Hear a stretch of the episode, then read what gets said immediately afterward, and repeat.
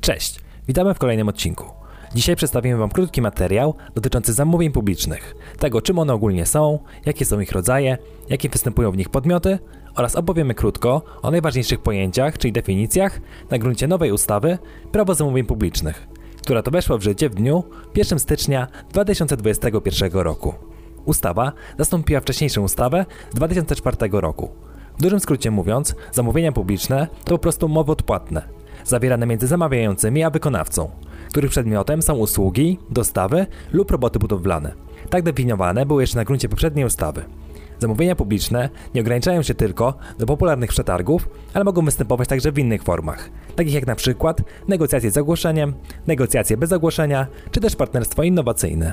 Zamówienia dokonywane w reżimie ustawy Prawo zamówień publicznych są obwarowane licznymi ograniczeniami i wymogami, a gwarantem przestrzegania przepisów pozostaje państwo. Są to rozwiązania dotyczące procedur wydatkowania środków publicznych, czyli sposobu wyłonienia wykonawców oraz zasad zawierania umów. Stronami w tym przypadku są przede wszystkim zamawiający oraz wykonawca. Zamawiającymi są jednostki sektora finansów publicznych w rozumieniu przepisów ustawy z dnia 27 sierpnia 2009 roku o finansach publicznych, w tym np. podmioty publiczne, jednostki samorządu terytorialnego oraz inne. Postępowanie o udzielenie zamówienia przygotowuje i przeprowadza zamawiający. Odpowiada za to kierownik zamawiającego. Natomiast wykonawcą nazywa się podmiot, który uzewnętrznił wolę uczestnictwa w postępowaniu o zamówienie publiczne. Podmiotem tym może być osoba fizyczna, osoba prawna, a także jednostka organizacyjna nieposiadająca osobowości prawnej. Musi ona spełniać odpowiednie warunki określone w ustawie i wynikające z charakterystyki danego zamówienia publicznego. Najważniejsze na gruncie tego krótkiego odcinka jest jednak przedstawienie najważniejszych pojęć i definicji wskazanych w nowej ustawie Prawo zamówień publicznych. Pierwszym z omawianych pojęć jest tzw. Tak cykl życia, o którym mowa w ustawie.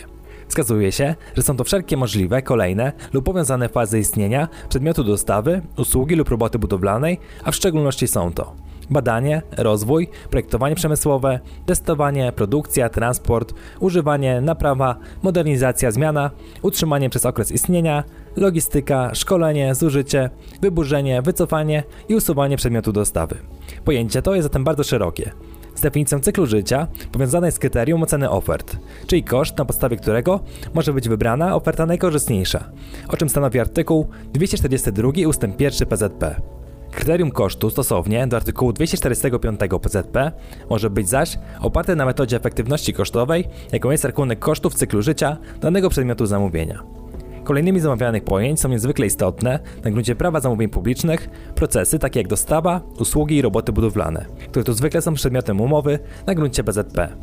Jeśli chodzi o pierwszy z nich, czyli dostawy, to należy przez to rozumieć nabywanie produktów, którymi są rzeczy ruchome, energia, woda oraz prawa majątkowe, jeżeli mogą być przedmiotem obrotu, w szczególności na podstawie umowy sprzedaży, dostawy, najmu, dzierżawy oraz leasingu z opcją lub bez opcji zakupu, które może obejmować dodatkowo rozmieszczenie lub instalację. Przedmiotem dostawy w rozumieniu prawa zamówień publicznych są produkty, którymi są rzeczy ruchome, energia, woda oraz prawo majątkowe, jeżeli mogą być przedmiotem obrotu. Na podstawie artykułu 45 KC rzeczami są tylko przedmioty materialne. Zgodnie z powszechnie akceptowalnym stanowiskiem w literaturze przedmiotu, rzeczami są materialne części przyrody w stanie pierwotnym lub przetworzonym, na tyle wyodrębnione w sposób naturalny lub sztuczny, że w stosunkach społeczno-gospodarczych mogą być traktowane jako samoistne.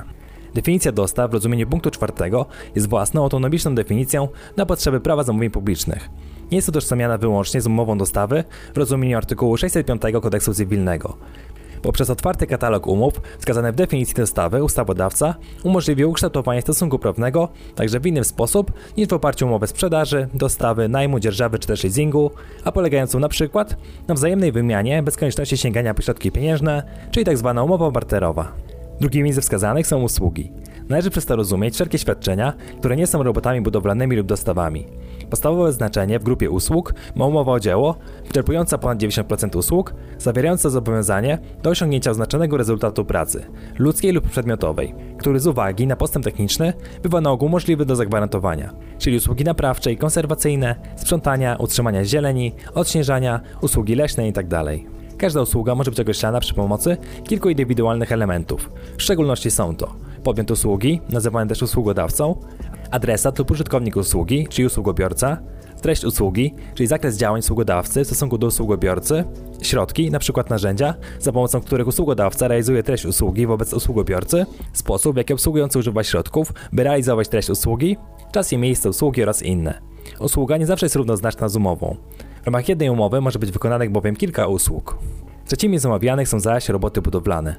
Należy przez to rozumieć wykonanie albo zaprojektowanie i wykonanie robót budowlanych określonych w przepisach lub obiektu budowlanego, a także realizację obiektu budowlanego za pomocą dowolnych środków zgodnie z wymaganiami określonymi przez zamawiającego. Wykonanie zatem obiektu budowlanego spełniającego wymogi określone przez instytucję zamawiającą wymaga uprzedniego podjęcia środków służących określeniu rodzaju obiektu lub co najmniej wywarcia przez nią decydującego wpływu na jego projekt. Fakt, czy wykonawca wykonuje całość lub część obiektu budowlanego własnymi środkami, czy też zapewnia ich wykonanie w inny sposób, nie powinien zmieniać klasyfikacji danego zamówienia jako zamówienia na roboty budowlane.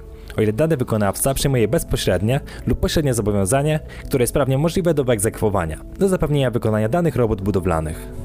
Ponadto robotą budowlaną może być także osiągnięcie celu zakładanego dla prac budowlanych, jakim jest kompleksowe wykonanie pewnego zamierzenia inwestycyjnego, obejmujące swym zakresem również prace projektowe. Zakres pojęcia robót budowlanych z prawa zamówień publicznych nie pokrywa się więc w pełni z zakresem tego pojęcia w prawie budowlanym. Oprócz wyżej wspomnianych w artykule 7 PZP zawartych jest o wiele więcej definicji, które na gruncie prawa zamówień publicznych tworzą tzw. Tak słowniczek ustawowy. Poza wymienionymi, ustawa definiuje także przykład, czym są dokumenty zamówienia, innowacje, konkurs, łańcuch dostaw, protokół postępowania, środki publiczne, umowa ramowa, umowa podwykonawstwo, zamówienia klasyczne, zamówienia sektorowe, sprzęt wojskowy oraz wiele innych.